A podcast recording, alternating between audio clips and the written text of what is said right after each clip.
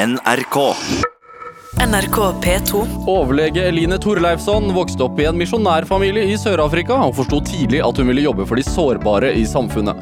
De siste, siste 13 årene har hun jobbet på overgrepsmottaket på legevakten i Oslo, et døgnåpent tilbud for mennesker som har vært utsatt for voldtekt, voldtektsforsøk eller andre seksuelle overgrep. For jobben de gjør, ble hun nylig stemt frem som årets Oslo-borger. Dette er Drivkraft med Vegard Larsen i NRK P2. Eline Torleifsson, varmt velkommen hit til Drivkraft. Tusen takk. Hvordan, eh, hvordan har du det Akkurat nå? akkurat nå? Nei, nå er jeg litt spent. Ja. Første gang i et radiostudio. Ja, det er det. Ja. Det, mm, altså, først av alt, gratulerer eh, med å bli stemt frem som årets Oslo-borger av Aftenpostens lesere. Um, Du fikk prisen for din stå-på-vilje på overgrepsmottaket i Oslo på Oslo legevakt, men, men blir det helt feil av meg å si at det er egentlig en lagseier for mottaket, dette her? Ja, det håper jeg virkelig at jeg har klart å få frem. Ja. De gangene jeg har hatt mulighet til å si noe om det. Jeg mener helt klart at det jeg gjør, er en del av et, et lagspill. Vi har forskjellige roller, veldig mange er involvert for at vi skal kunne ta imot de pasientene vi gjør, så godt som mulig. Og jeg jobber sammen med, veldig tett sammen med sosionomer, leger og sykepleiere som alle er viktige for at eh, ja, jeg skal gjøre jobben min, men for at andre også skal få gjort den jobben vi ønsker å gjøre, da. Ja, så sånn sett, så, altså, Du ble nominert, men sånn du ser det, så kunne egentlig en hvilken som helst annen lege ved mottaket bli nominert. Det er liksom du, du, Ja, eller en av de andre sykepleierne, eller sosionomene. Ja. Det er helt klart. Og det skulle det gjerne blitt av meg. ja, fordi du trives ikke så veldig godt eh, i den rollen eh, hvor du har blitt en sånn gallionsfigur. Nei, jeg trives veldig godt på jobben Ja. med det jeg gjør, og som jeg etter hvert syns at jeg får til på en grei måte. Ja, eller hvor- en god måte. Hvor mange er dere der nede? Um, vi er eh, Vi er en gruppe på åtte-ti leger og sykepleiere som jobber tett sammen, men så er det jo også en stor gruppe med sosionomer som også jobber med viktig psykososialt arbeid. Eh, fordi for å få fulgt pasienten i tre måneder og gjøre alt det rettsmedisinske arbeidet med å forberede saker for retten, så er, kreves det mange. Og så skal vi dekke hele døgnet. Ja. Sånn så det er skift, det, Ja. det er dø- døgnåpent dette her. Ja, så, og sykepleierne som jobber på, på det som er sengeposten vår, observasjonsavdelingen, de er jo også en veldig viktig del av den jobben vi gjør. Så det er veldig mange på legevakten som er involvert for at vi skal kunne ha det tilbudet vi har. Ja, Det er jo tydeligvis at, eh, at eh, Aftenpostens eh, lesere og Oslos borgere setter pris på mottaket, da, siden de, de stemmer det frem som, som årets Oslo-borger, egentlig. Eh, altså, Hvordan fikk du vite selv at du var nominert til den prisen, da? Det, det var en telefon jeg fikk fra Aftenposten.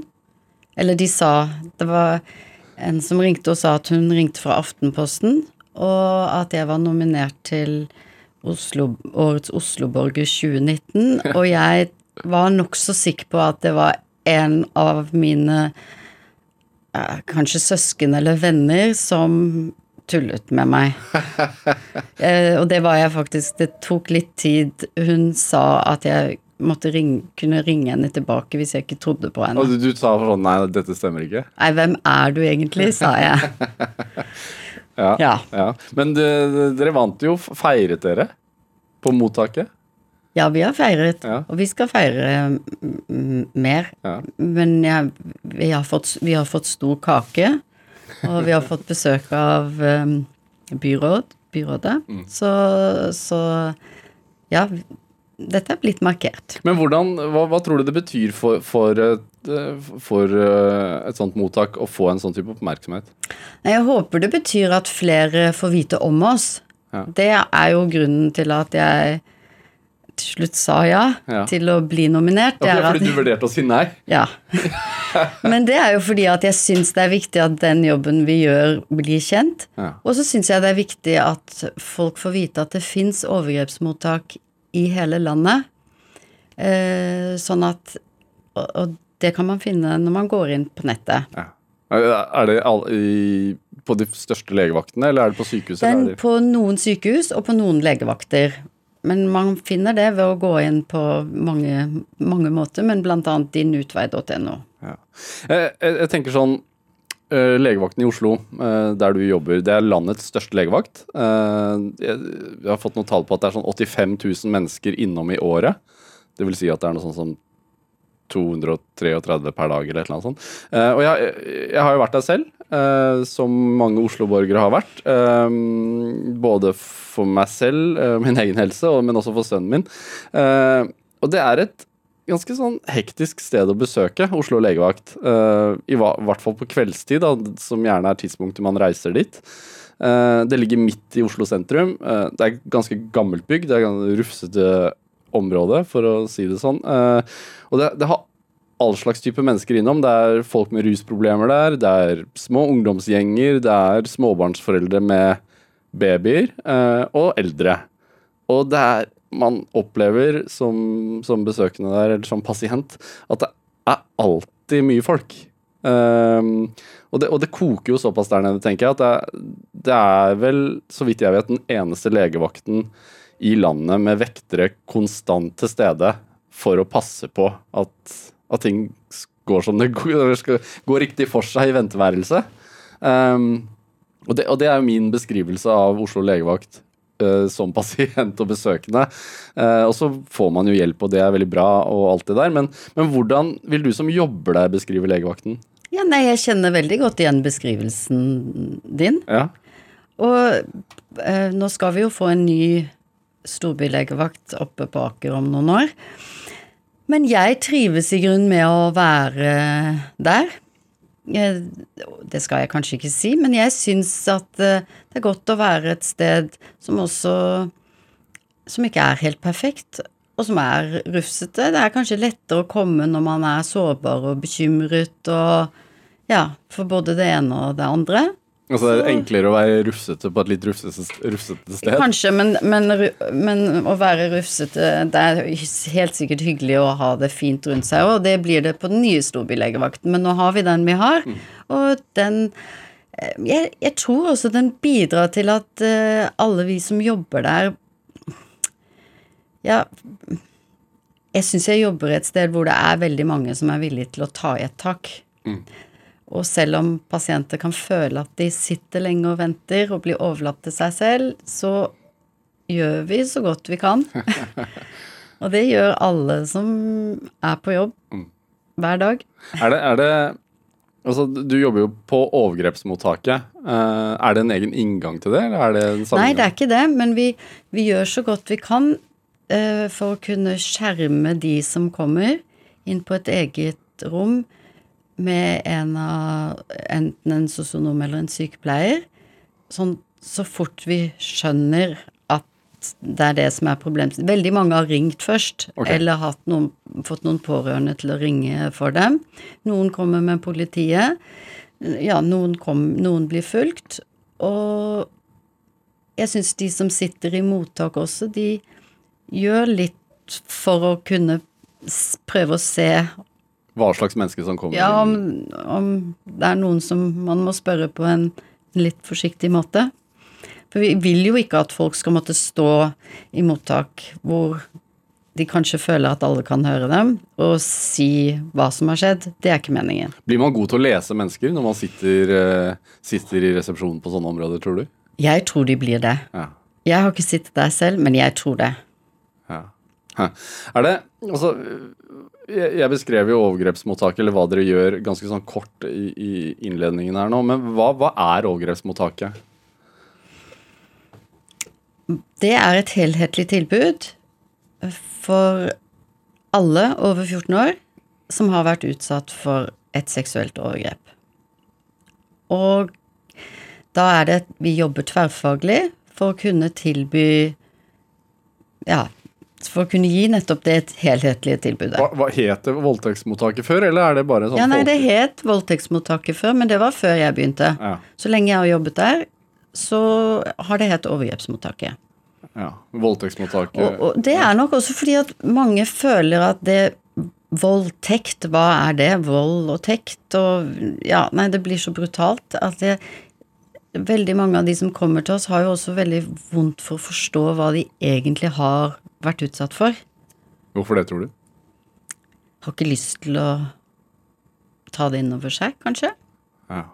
Er det Eller er usikre, rett og slett. Burde jeg Jeg tror den derre burde jeg ha skjønt at uh, dette kom til å skje, og burde jeg ha gjort mer for å ja, ikke havne i den situasjonen. Veldig mange føler skyld. Og skyldfølelse er jo en vanlig etterreaksjon etter traumatiske hendelser generelt òg. Altså det gjelder jo bilulykker og andre Altså andre katastrofer eller vonde opplevelser. Det er at man tenker jo på alt det man kunne gjort annerledes. En etterpåklokskap. Hvis man bare hadde visst at man kom til å krasje da, så hadde man jo stoppet eller ikke kjørt bil den dagen, eller ikke Ja. Sånn etterpåklokskap, det, det tror jeg står i veien for at mange Ja, det, det tror jeg er en hindring for at mange skal komme seg videre. hva, hva, hva tenker du at de som eh, ringer mottaket eller, eh, eller kommer ned til dere tilfeldig, hva, hvorfor gjør de det, tror du? Veldig mange blir eh, tatt med ned av familie, venner, ja, politi, helsesøster. Eh, de blir ja, Anbefalt å anbefalt å komme. Ja. Veldig sterkt anbefalt, og, og fulgt ofte. Ja. Er det Og det tror jeg Det, det er så mange Så mange av de følelsene og tankene som er vanlige å ha etterpå, som står i veien for å tørre å oppsøke hjelp. Mye skam. Ja. Hvordan altså jeg, tenk, Redd. jeg, tenker sånn øh, en, en helt vanlig dag på jobben for deg.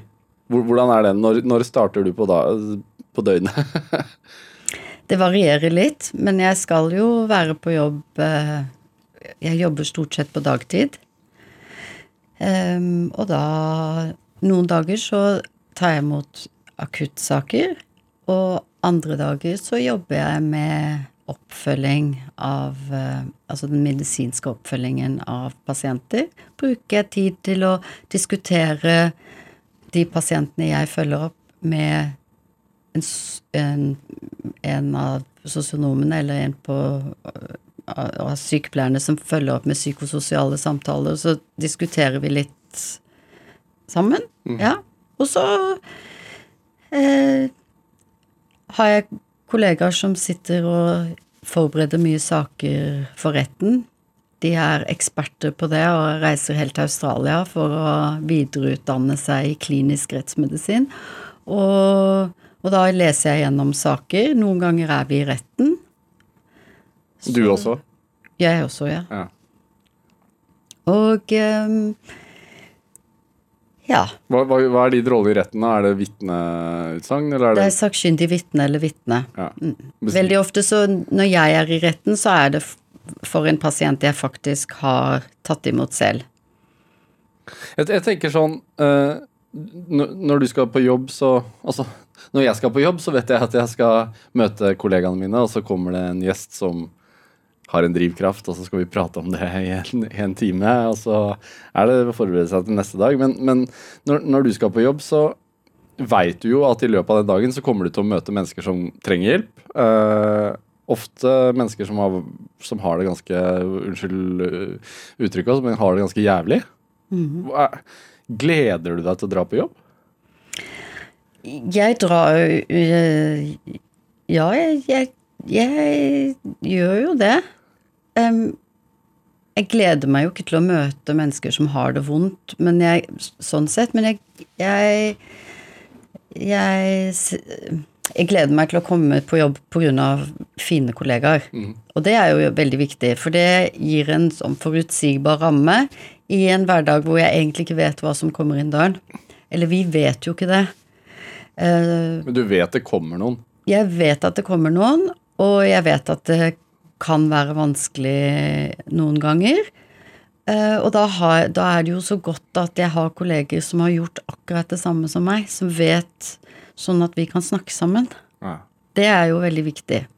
Er det, altså uh, Du ble jo nominert til, til uh, årets Osloborgerprisen for din stå-på-vilje. Vet, vet du hvem som nominerte deg? Nei, jeg, jeg tror jo at det kan være noen pasienter. De ville jo ikke si hvem det var. Nei. Men er det be- Betyr det liksom ekstra for deg at det, at det er en pasient som har gjort det? Ja, det betyr, det betyr nok uh, mye for meg. Det gjør det. F- Får man et nært forhold til pasientene som kommer inn? Et nært Ja, en, en nær relasjon i en kort periode. Det Jeg tror ikke det er så mye meg som person, men, eh, men for meg så kan det være noen pasienter som eh, som gjør et veldig sterkt inntrykk. Og det som er så fint å se, det er at de aller, aller fleste klarer seg jo godt, og det er jo en motivasjon i seg selv, at de, de fleste mennesker har utrolig ressurser i seg til å komme seg videre etter veldig, veldig vonde opplevelser. Og da er kanskje vår rolle er å nøste litt frem, sånn at de klarer å finne frem til de ressursene de har i seg. For alle, alle er jo forskjellige, og det vil være forskjellige ting som hjelper for de forskjellige pasientene vi har. Eh, og så er det jo veldig, veldig viktig med et godt nettverk. Og det er det jo ikke alle som er så heldige å ha. Eh, men et godt nettverk, det er jo veldig god medisin. Et omsorgsfullt nettverk. Hva, var en øhm, Ikke for å nevne noen navn eller noe no, no, noe øh, personlig bakgrunn, sånn, men hva er en typisk pasient som kan komme inn til deg? Nei, det, vet du hva, det er ikke typiske pasienter. Nei. Det, det er jo det vi Nei. Det, det er jo ikke Hva er et typisk menneske? Det er jo et, det er jo et menneske em, som har opplevd noe vondt, blitt krenket på sitt aller mest intime. Og det, det kan være Det er jo et vanlig menneske. Er, er det litt sånn Er det det samme svaret på? Altså, Fins det noe uh, generelle trekk på hvordan man, hvordan man har det når man kommer inn der, eller er det, kan man også ha ha reagert på det som har blitt, man har blitt utsatt for på helt forskjellige måter? reagerer veldig forskjellig. Folk, folk reagerer forskjellig, absolutt. Eh, noen er sinte, noen er veldig lei seg, noen er eh, redde, noen vil ikke si noe, noen er fulle. Noen er eh, ruset av, på noe annet. Eh, noen er litt eh, fnisete. Mm, ja, nei, det de aller fleste er på en eller annen måte i sjokk og har det ugreit inni seg, har en uro. og det er, da vi, Jeg tror mennesker takler uro på forskjellige måter òg. Men hvordan fungerer det da hvis man kommer inn, og så blir man tatt imot? Altså, men hvor, hvor starter Altså hvordan jobber man i, i mottaket? Altså når, når kommer du inn? Altså hva, hva er gangen i en sånn Aller først, som sagt, så blir de tatt imot av en, en sosialkonsulent som er en, en sykepleier eller en sosionom, og tatt inn på et rom hvor de, hvor de skal få fortelle litt om det som er skjedd, og få hjelp til å roe seg litt ned, til å stabilisere seg. Og det, det er de som jobber med det, veldig gode til. Og så er det, det er ikke meningen at de skal måtte fortelle alle detaljer, men at vi skal på en måte kartlegge hva som har skjedd. Og så si litt om gangen videre. Og så har vi et kort overlappingsmøte med den personen, altså vi, det er en sykepleier og meg selv. Og så, sånn at pasienten skal slippe å måtte gjenta det de har fortalt. Og så går vi opp på et annet rom, som er da gjort klart i mellomtiden, eh, hvor det tilbys da full rettsmedisinsk undersøkelse med sporsikring, skadedokumentasjon, med, mm, man tar bilder og, og sånn. Og så er det å ta prøver i forhold til smitte, graviditet, men da også, ja, prøve å ramme inn pasienten sånn at Sånn at de kan komme seg ut. Noen overnatter på observasjonsposten vår. Ja, Man kan gjøre det også. Det kan de gjøre. Ja. Og noen, noen ganger så hjelper vi med å informere pårørende. Um, noen ganger så sitter det foreldre eller venninner og venter. Ja. Er det, um, hvorfor tror du det er så tøft å, å oppsøke dere? Det tror jeg er fordi det er, er mye skam knyttet til seksuelle overgrep. Og de aller fleste kommer jo ikke. De aller fleste sier jo ingenting. All forskning viser at mørketallene er, er store. Altså én av ti eh, tror jeg man tenker at eh, oppsøker hjelp i det hele tatt. Oi. Så mange går og bærer på det de har opplevd, og og det er klart at det går jo for noen Altså, mange kan klare seg fint av den grunn, men eh, jeg tror det er greit å få hjelp til å sortere de vanskelige opplevelsene man har i livet. Hva, hva tenker du er det dere gjør som, som vil hjelpe eh, folk videre, da? For de som blir utsatt for, for et sånt overgrep eller en voldtekt? hva vi gjør. For de som vil anmelde, så er det jo veldig viktig å kunne komme et sted hvor man kan få dokumentasjon sånn at det er mulig. Sikre bevis, rett og slett. Ja, det er det nok noen er opptatt av det. Veldig mange er jo redd for å bli smittet av en sykdom. Det er kanskje derfor de kommer. Eh, andre trenger noen å snakke med. De trenger, det er det, den primære eh, grunnen til at de oppsøker oss. De får ikke De sover ikke om natten, de er redd, de tør ikke å gå på skolen eh, eller på studiested, de får, kommer seg ikke på jobb. Kanskje overgrepet har skjedd i forbindelse med et jobbarrangement eller noe på skolen som gjør at eh, det, de, det er for vanskelig å komme seg videre. Er det eh, Altså, det er jo en eh, stigende eh, kurve, dessverre, holdt jeg på å si, eh, eh, av, av mennesker som, som benytter overgrepsmottaket.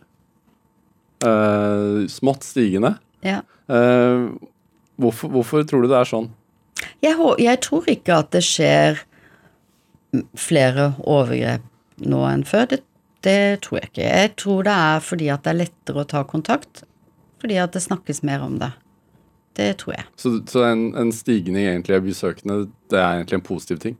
Ja, jeg syns det. Ja. Eller jeg velger å synes det. Um, jeg tenker sånn når, når, når det er en sånn jevn strøm, da, fordi dere har uh, ja, like oppunder 600 uh, pasien- pasienter i året som, som kommer til dere, um, og det stiger. uh, er det liksom utfordrende for deg som lege, du har vært der i 13 år, å holde motet oppe? Altså, Nei, det har jeg ikke tenkt på. nei. Nei. Men har du, kan du ha tunge dager selv der i forhold til det du opplever og ser? Nei, men jeg kan noen ganger synes at det er litt vel mye ondskap i verden. Ja. Og det er det jo. Hvordan, hvordan Ja, da jeg syns at uh, det er vondt å høre hvordan uh, mennesker har klart å oppføre seg mot et annet menneske. Blir du overrasket over det? Nei, Selv etter blir, 13 vel, år? nei, jeg blir vel ikke så overrasket, tror jeg, lenger. N- Når var siste gang du tenkte noe sånt, da?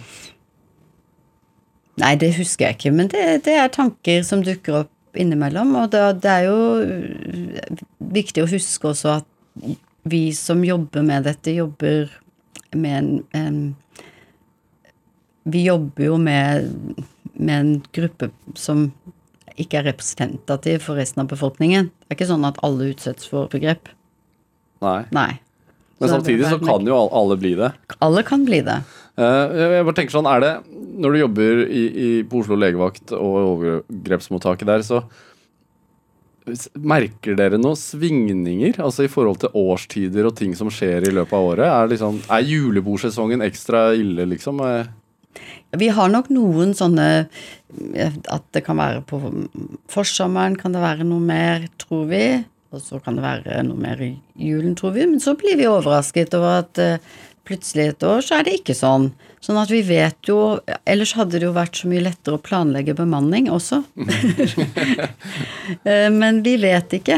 Det, og det er jo også fordi at seksuelle overgrep skjer jo i så mange Ja, det er mange former, men det skjer i så mange forskjellige situasjoner. Det skjer jo ikke bare på fest. Det skjer jo i hjemmet. Det skjer Ja. Det skjer i nære relasjoner. Det skjer Ja, det skjer i mange forskjellige situasjoner. Hva er, Det de, hva er de vanligste bakenforliggende årsakene, som dere ser det? Nei, nå har jeg ikke med meg statistikken. Jeg er, ikke så, jeg er ikke så opptatt av det. Jeg er, I min jobb så er jeg mest opptatt av det individet som jeg har foran meg. Jeg er ikke så opptatt av, av det. Jeg, eh, jeg kan sikkert grave det frem i hukommelsen, men jeg er ikke så opptatt av det. Jeg er opptatt av at de som kommer, skal oppleve at de blir ivaretatt på en best mulig måte. Ja. Og vi, eh, vi skulle gjerne drevet mer med forebygging, snakke om det vi gjør, men det, det er ikke en del av jobben vår, egentlig. Hva, hva, tenker du er mest interessant med det, eh, med, med det du gjør? Altså, er det um, å hjelpe det ene mennesket? Altså, er, er, Det mest interessante er nok det derre det, det å få jobbe sammen med et menneske som har opplevd noe veldig vondt, og lete seg frem til hva som kan være den Ja, hva som kan være det som gjør at, det, går bra? at retningen snur, at det går bra. Er ofte Er det noe, er det noe triggere, eller hva, hvordan merker du at nå begynner det å løsne? Jeg tror for veldig mange så er det viktig å akseptere at det er helt normalt å reagere når man har utsatt, blitt utsatt for en vond, veldig vond, krenkende opplevelse. Og så er det viktig at, at for mange å få å skjønne at intimvold er ikke en privatsak. Det er ikke Det er liksom det er, Dette er noe vi, vi skal Det skal ikke skje. Det er ikke mindre lov fordi det er intimt. For det er noen mekanismer i hjernen Ja, eller- som tenker at, at det er liksom Jeg, jeg tror i hvert fall mange tenker at dette er, noe, dette er så skamfullt, jeg kan ikke snakke om det, dette får jeg ordne opp i selv. Og det når du, når, du, når, når du får noen til å snu, da, at de ser lyset, det gjør det, liksom verdt, det gjør det verdt å være, ha den jobben du har. Nei, det er ikke sikkert det er jeg som bidrar til det i det hele tatt, men eh, jeg ser jo at det på en eller annen måte går bra med de aller fleste. Hva Er, tenker du, er du mest lege eller eh, psykiater i jobben din? Jeg Det som gjør at jobben min er så At jeg trives så godt i jobben, er at jeg får brukt alt jeg kan. Alt jeg har lært på doktorskolen. Alt jeg har lært av livet. Og um, alt jeg har lært av andre pasienter. Og ikke minst gode kolleger. Dette er Drivkraft med Vegard Larsen i NRK P2. Og i dag så har vi årets Osloborger, overlege Eline Torleifsson her hos meg. Vi har, vi har, vi, vi har pratet om din jobb ved overgrepsmottaket eh, på legevakten i Oslo. Eh, du er oppvokst i Sør-Afrika. Ja, det er jeg. Ja. Ja. Um, Faren min var prest, og vi bodde tolv år i Sør-Afrika. Eh, ble du født der? Nei, jeg er født Jeg er den eneste av mine søsken som er født i Norge. Ja. Så jeg, jeg, jeg er hel, helnorsk. Hva, altså, men faren din var prest, altså drev misjonærarbeid? Ja, Ja. så han, som prest, så han jobbet i flere menigheter, og eh, eh, Og kirken var jo veldig viktig i anti-apartheid-bevegelsen også. Sånn at eh, jeg tror min, min oppvekst har jo bidratt til I stor grad til at jeg er blitt den jeg er. Hva, hva mener du med det? Nei, jeg ble jo veldig tidlig oppmerksom på stor urettferdighet, som var ganske ulogisk. Det at det var egne benker hvor det sto for hvite, benker for hvite og benker for ikke-hvite. At man var på, måtte være på forskjellige strender. Måten vi bodde på, sammenlignet med andre bare pga. hudfarge. Eh, sånn at jeg ble nok ganske tidlig gjort bevisst Altså foreldrene mine var opptatt av at vi skulle forstå hvilket land eller hvilket kontekst vi vokste opp i. Og jeg har alltid visst at jeg er heldig, at jeg er privilegert. Og det har nok også vært en viktig drivkraft. At jeg, fordi jeg er så heldig, så syns jeg at jeg må eh, jobbe litt hardere, bidra litt mer. Er det Burde flere gjort, gjort det? Nei, det vet jeg ikke, men jeg bare Og jeg vet om burde og ikke burde, men det er nok sånn. Ja. Er det eh, eh, Altså, du, du var jo i, i Sør-Afrika frem til du var 13 år, hvis jeg Ja. har gjort eh, forarbeidet mitt riktig. Og, og, og du er jo et barn da. Ja. Og, og når man ser den uretten, altså, er det mer sånn Altså man bare undrer seg over det, eller blir man opprørt? Det vet jeg ikke, fordi den bevisstheten er jo på et vis langsgående. Det er jo noe Det er jo ikke Jeg kan ikke. Jeg vet ikke når bevisstheten kom, men jeg, den, den har i hvert fall vært veldig tydelig for meg veldig lenge. Husker du noen opplevelser fra ting som du reagerte på?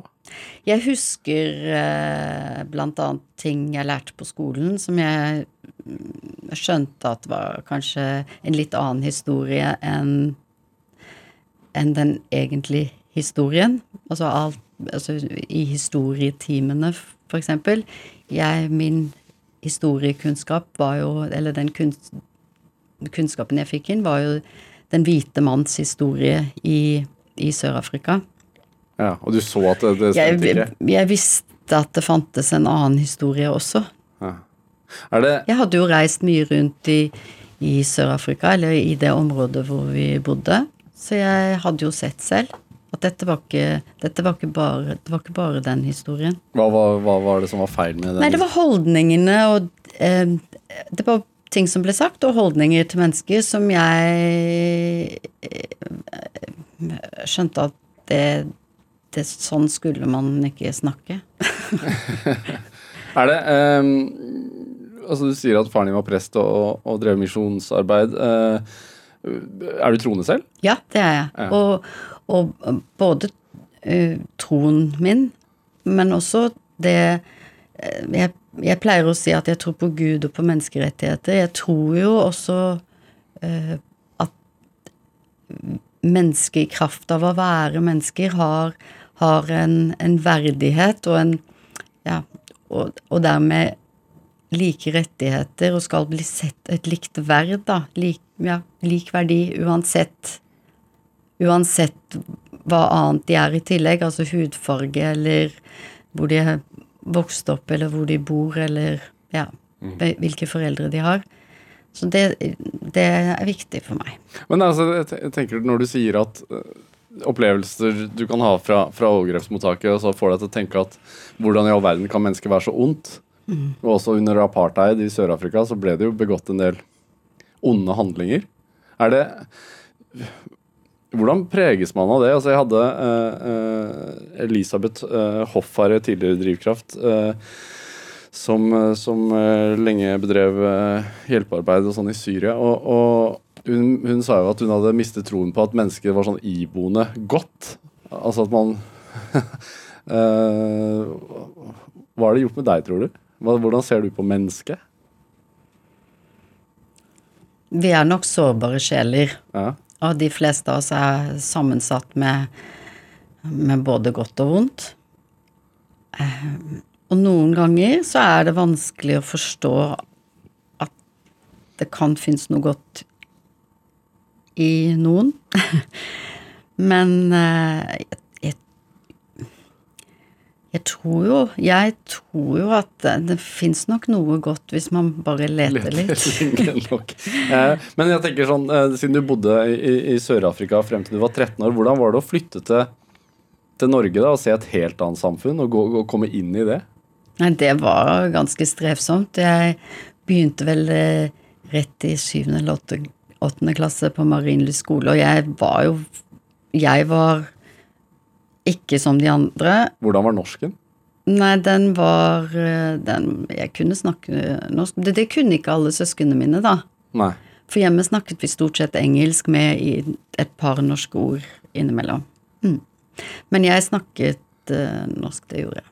Ja, så det var Men jeg, men jeg var Eller jeg var ikke sånn som de andre var.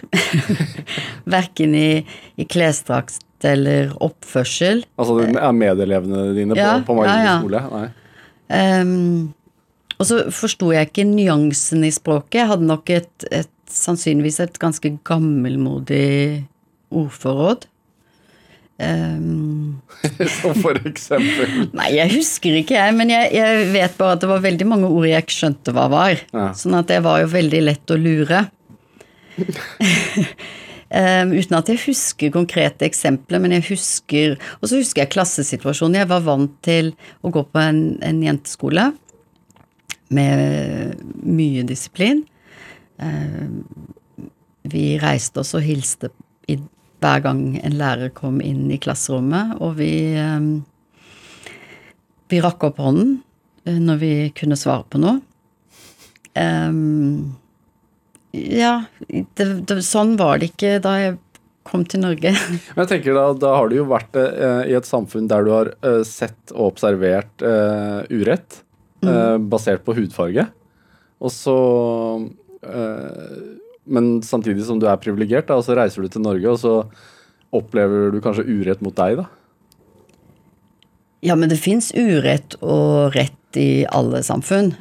Og det er ikke bare Det er jo urett i Norge også. Men, Men ehm, ja. Men, men tenker du sånn eh, i forhold til den erfaringen du, du, du har med deg derfra, altså, tenker du at altså, lever, lever den store andelen av oss litt for sånn beskytta liv, tenker du? I forhold til verden og også samfunnet rundt oss? Um, vi- Og kanskje vi må det litt også. Ehm, vi vet jo veldig godt at det skjer veldig, veldig vonde ting i verden. Um, og det vonde som skjer, det skjer jo uavhengig av om vi er i det landet, i det området selv, eller om vi sitter trygt og godt i Norge. Så verden er jo den samme med, med også de vonde tingene i verden, selv om vi prøver å ikke tenke så mye på det. Og det er vel naturlig.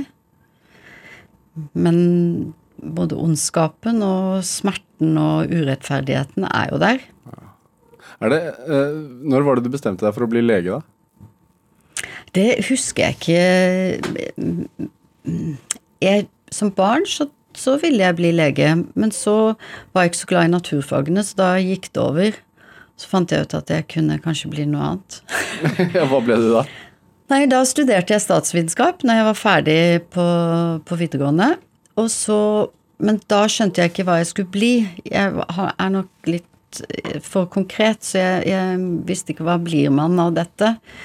Og så kom jeg vel til også at den, det ønsket mitt om å bli lege, da var det barnelege jeg skulle bli, at det lå der jo sånn at det eneste som sto i veien for det, var å få tatt de naturfagene. Så da gjorde jeg det, og det er jeg veldig glad for at jeg gjorde. Men altså, jeg, jeg sa i, i innledningen til, til denne timen her at, at uh, du har vært opptatt av å jobbe for de sårbare i samfunnet. Har det vært en sånn drivkraft for deg som du har hatt med deg fra Sør-Afrika og, og hele veien? Jeg tror ikke det har vært bevisst, men jeg ser jo det når jeg blir gjort oppmerksom på det, at det kanskje er, er det, men um, men det, det har ikke vært det, Akkurat det har ikke vært noe jeg har gjort bevisst. Nei. Jeg vet, jeg vet at du fikk eh, tre barn under legestudiene. Ja, det gjorde jeg. Og det, altså, et legestudie i seg selv, det er langt, det er ganske tøft. Er det ikke det? Det er ganske tøft. Jo, jeg syns nok det var ganske tøft å komme inn. Som bøygen var jo å få de naturfagene i boks. Ja. Men, men, Nei, altså, men eh, å få tre barn da, jeg tenker Altså, jeg har ett barn, det er tøft nok i seg selv. Og du har tre barn under legestudiet, men likevel så klarer du det. Jeg tenker sånn da altså, Å få tre barn samtidig som man utdanner seg til å bli lege, og klarer det, da tenker jeg da klarer man alt, da. Jeg har en eh, Jeg pleier å si jeg har en bauta, en mann. Og så har jeg eh, foreldre som stilte opp eh, mye og søsken. Ja. Sånn at eh, vi har ikke stått alene. Nei, men du ville det sterkt. Jeg ville det. Ja, jeg ville ha barn, og jeg ville ha bli lege. Ja. Og jeg, det, sånn i ettertid så vet jeg ikke om det er så mye lettere å få barn mens man jobber og, og holder på. Man, jeg hadde i hvert fall en viss fleksibilitet. Um, ja. Men jeg tenker sånn eh, Fordi du, du jobba en stund på barne- og med barne- og ungdomspsykiatri. Eh, hva, hva lærte du i de åra som du tar med deg inn i jobben på legevakten nå? Og jeg lærte mye. Jeg lærte mye som jeg tar med meg eh, inn, som jeg har tatt med meg inn i jobben. Jeg var jo, jeg var jo i barne- og ungdomspsykiatri i fem år, og det ble, my, det ble brukt mye kapasitet på, på, på opplæring. Eh, jeg var jo mye på kurs og, og lærte veldig mye som jeg har bruk for hver dag, uten at jeg klarer å eh, si akkurat hva det var jeg lærte, men jeg lærte mye. Men Hvorfor er det så interessant for deg? Jeg vet du har vært eh, interessert i også av, Kina og psykiatri. Altså, hva er det som er så spennende med det? Ja, hva er det som er ehm, Det går jo kanskje tilbake til det at det er å, å kunne kunne klare å finne veien fremover når, når noe har gått i stå, eller når noe er vanskelig. Um, ja. Og så tenker jeg at det også er Det har noe med eh, å løfte folk til frem til at de kan være hele mennesker også. Er det er, er man Er det en fordel å være en type menneske for å ha den jobben du har? Nei, det tror jeg ikke. Jeg tror det er, vi er mange forskjellige typer mennesker. Og fordelen med det er jo nettopp at vi kan spille hverandre gode. Jeg tror jeg, Nei, jeg, jeg har ikke noe tro på at jeg, jeg blir noe bedre menneske av å omgi meg med kopier av meg selv. Nei, tvert imot. Jeg blir bedre av å omgi meg med folk som er forskjellige fra meg selv. Dette er Drivkraft med Vegard Larsen i NRK P2. Og i dag så har vi årets Oslo-borger, overlege ved overgrepsmottaket på legevakten i Oslo, Eline Torleifsson, her hos meg. Eh, du eh, har vært på legevakten i Oslo i 13 år. Du, du kunne jo valgt en mye roligere hverdag med privat praksis og sikkert tjent veldig mye bedre enn man gjør på legevakten. Altså, nå vet jeg ikke noe om det, men, men hva er det som gjør at du blir værende? 13 år er ganske lenge på et såpass eh, hektisk sted. Jeg kunne ikke jobbet i en privatpraksis. Nei, hvorfor ikke? Nei, fordi at jeg trives Jeg trives nok vesentlig bedre med å ha mennesker rundt meg. Og ha gode kolleger. Det er, det er jo viktig. Jeg er jo mange Jeg er jo på jobb ganske mange timer i døgnet. Hvor mange snakker vi? Nei, det, det varierer. Men, eh, men da, da er det viktig for meg at, eh, at det er mye bra folk der. Hvis jeg skulle sittet alene, nei, da, da hadde jeg blitt Da hadde jeg jo ikke klart å utvikle meg like godt. Nei, jeg må ha andre rundt meg. Jeg har jo fire søsken, jeg er jo vant til å ha mennesker rundt meg. Ja, Ja. Man kan ha det i en privat praksis også. Ja, ja da. Nei, men det, jeg har det veldig godt på legevakten. Jeg er egentlig veldig stolt av å jobbe der òg, selv om veldig mange har en ja, har både det ene og det andre å si om legevakten i Oslo, i hvert fall. Så, så er jeg, jeg er stolt av å jobbe der, jeg. Fordi jeg vet at det er så mye bra folk som, som er der. Ja. Tenker du at man eh, At de som velger å jobbe på legevaktene rundt omkring i landet, eh, gjør det altså ved, et valg? De som jobber sammen med Altså, meg på legevakten, de er jeg nokså sikker på at der, de har valgt det fordi at de, det er det de vil. Ja. Det, men hvordan det er ellers i landet, det vet ikke jeg. Men, men tenker du at eh, Altså, jeg har jo hatt eh, gjester i Drivkraft som, som har jobbet i, i, i krigssoner i utlandet. Og ingen sammenligning for øvrig, det er ikke noe krigssone, men det er et hektisk sted. Blir man Og de, de gjestene jeg har hatt her som har snakket om det, føler jo en slags sånn avhengighet av å reise tilbake. For det, det skjer så mye. De føler at er, de må dit for å, for å hjelpe. Har man litt den samme følelsen når man jobber på legevakten? Jeg vet i hvert fall at det er mange som har jobbet på legevakten vesentlig lenger enn meg. Ja. Jeg har jo en nær kollega som jobber som lege hos oss. Hun fikk Kongens fortjenestemedalje i fjor, og, eller ja, i 2019. Og hun har jobbet i over, altså i 30, over 30 år. Det er mange av de jeg jobber sammen med, som har jobbet der lenge. Og, det, og de blir jo der fordi de er fornøyd med å være der. Ja. For det er et um, Ja, det er en bra driv der, da. Du som snakker om drivkraft. Ja. men, men, men eh, Altså, men, har man den derre For det er en puls der nede Ja, det som man ikke får på andre legekontor. Som kanskje er eh, Som kanskje inspirerende, da. Ja. Eller som noen er avhengig av. Ja. Er du det selv, da?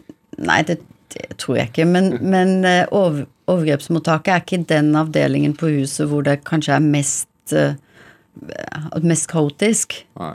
Eller mest hektisk. Kaotisk skal det jo ikke være noe sted, men eh, mest hektisk, det er det ikke.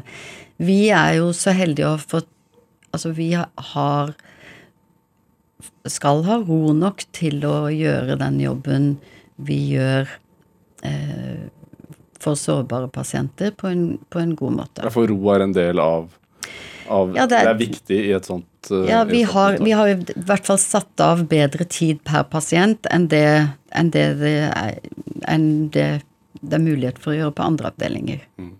Når du, når du ble, ble årets Oslo-borger pga. din stå-på-vilje, som det jo het i teksten, så tenker jeg jo også, jeg leser jo det, da, at du jobber utover det som er normalt. Eh, skal, skal du slippe å få svare på. Eh, for hvis jeg leser deg rett, så sier du nei, nei. Jeg, det gjør jeg ikke. men, men tenker du at mottaket burde vært større?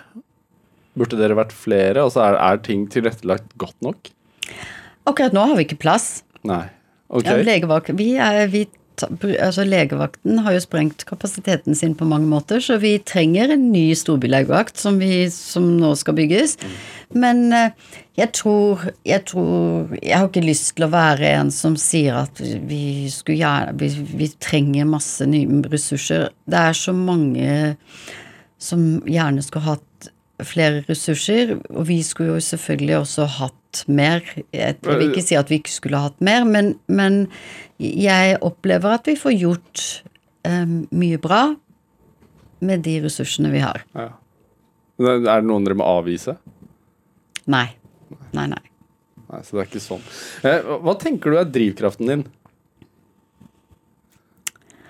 Drivkraften min er eh, Det er sammensatt. Vi har jo vært innom Det er min Det er opplevelser i oppveksten. Det er, eh, er Altså familie, forbilder eh, Forbilder både i min, min nærmeste familie, men også blant venner og Ja, nei, jeg har hva som er drivkraften. Drivkraften er sammensatt. Det er sammensatt av, av det jeg tror på, og av um, alle de erfaringene som jeg har. I forhold til jobben minst ja, og- og- ja, drivkraften for jobben min.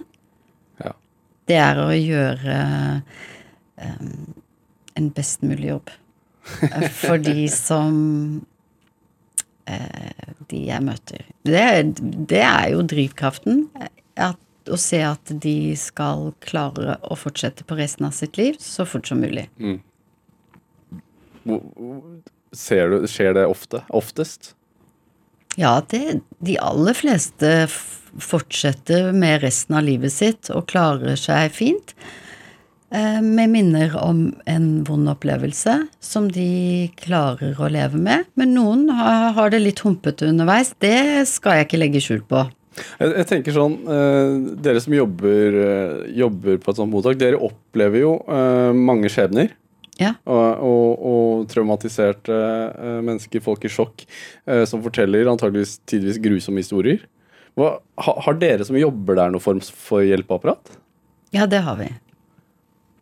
Vi har, vi har hatt veiledning, og vi veileder hverandre. Ja, Og det er viktig. Hvor viktig er det? Nei, det er veldig viktig. Det er viktig at vi hjelper hverandre til å ta vare på hverandre, vi som jobber eh, Jobber med, med, med folk som har det tøft. Ja. Er det for, for, å kunne klare å stå i det og gå på jobben dagen etterpå, rett og slett? eller? Ja, men også for å kunne For å ikke tro at verden At det skal skje noe med mine hele tiden. Nei, for det Ja, man, man kan havne i, det, i et sånt tankemønster. Ja, jeg tror Ja, det, det kan man. Har du gjort det? Har du, har du ringt hjem sånn Hold dere unna den delen av byen? Jeg, jeg, jeg har nok vært Ja, det, jeg kan ikke si annet. Det kan jo hende barna mine hører på dette her. Jeg kan jo Jeg må jo si at jeg har nok eh, Jeg, jeg er nok i overkant bekymret. men jeg prøver å legge det av meg. Ja. Men, eh, men jeg er ikke så god til det. Nei. De vet De har fått veld, De får veldig ofte beskjed om å eh, ta godt vare på deg selv, ta godt vare på venner, hold dere sammen. Mm, Pass på drinken. ja da. Men også vet jeg at eh, vonde ting kan skje, selv om alt. Ja. Jeg tenker sånn, hva, hva, gjør du, hva gjør du for å, å avreagere, avreagere selv etter et langt skift? Altså, for jeg vet jo at, at eh, du f.eks. har gått alle T-banelinjene i Oslo til fots. Ja, jeg, ja, ja, jeg går mye tur. Ja. Jeg går mye tur, da får jeg tenkt og tømt tankene. Det er viktig, det er viktig for meg. Og så er det viktig for meg å, å ha det godt sammen med venner og familie. Klarer man det, å legge av seg legefrakken? Og bare, bare være Eline Thorleifsson etter et langt skift? Ja, jeg klarer å være meg, men meg er jo også at jeg er lege, da. Ja. og har den jobben. Men, eh, men jeg, jeg, håper at jeg stort sett er meg.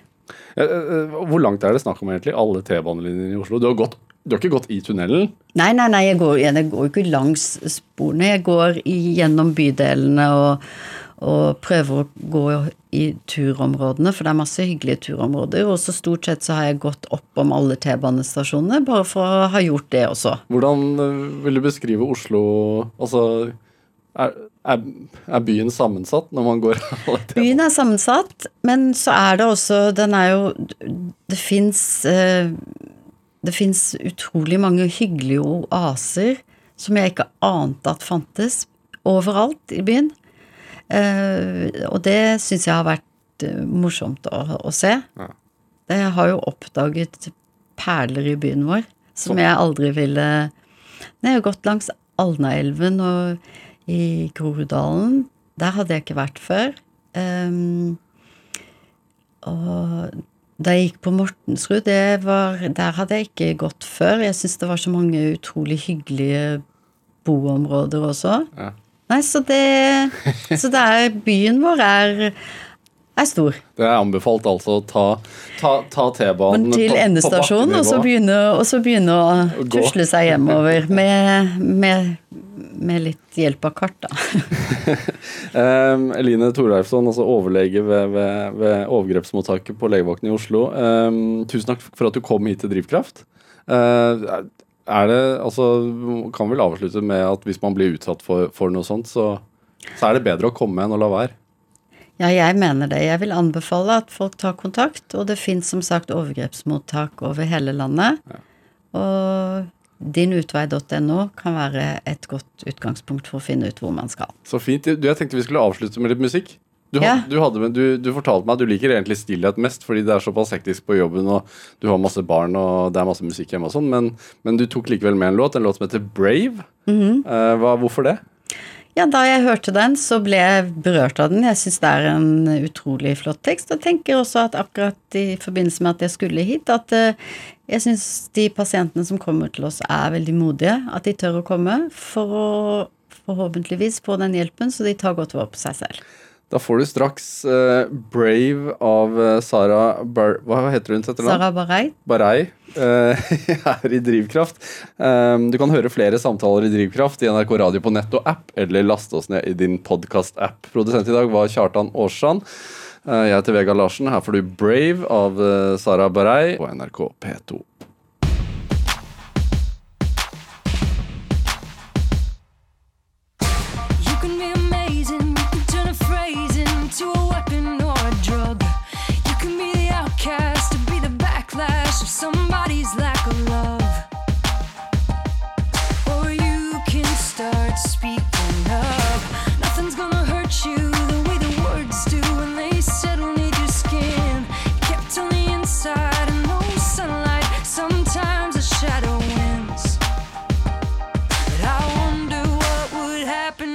You say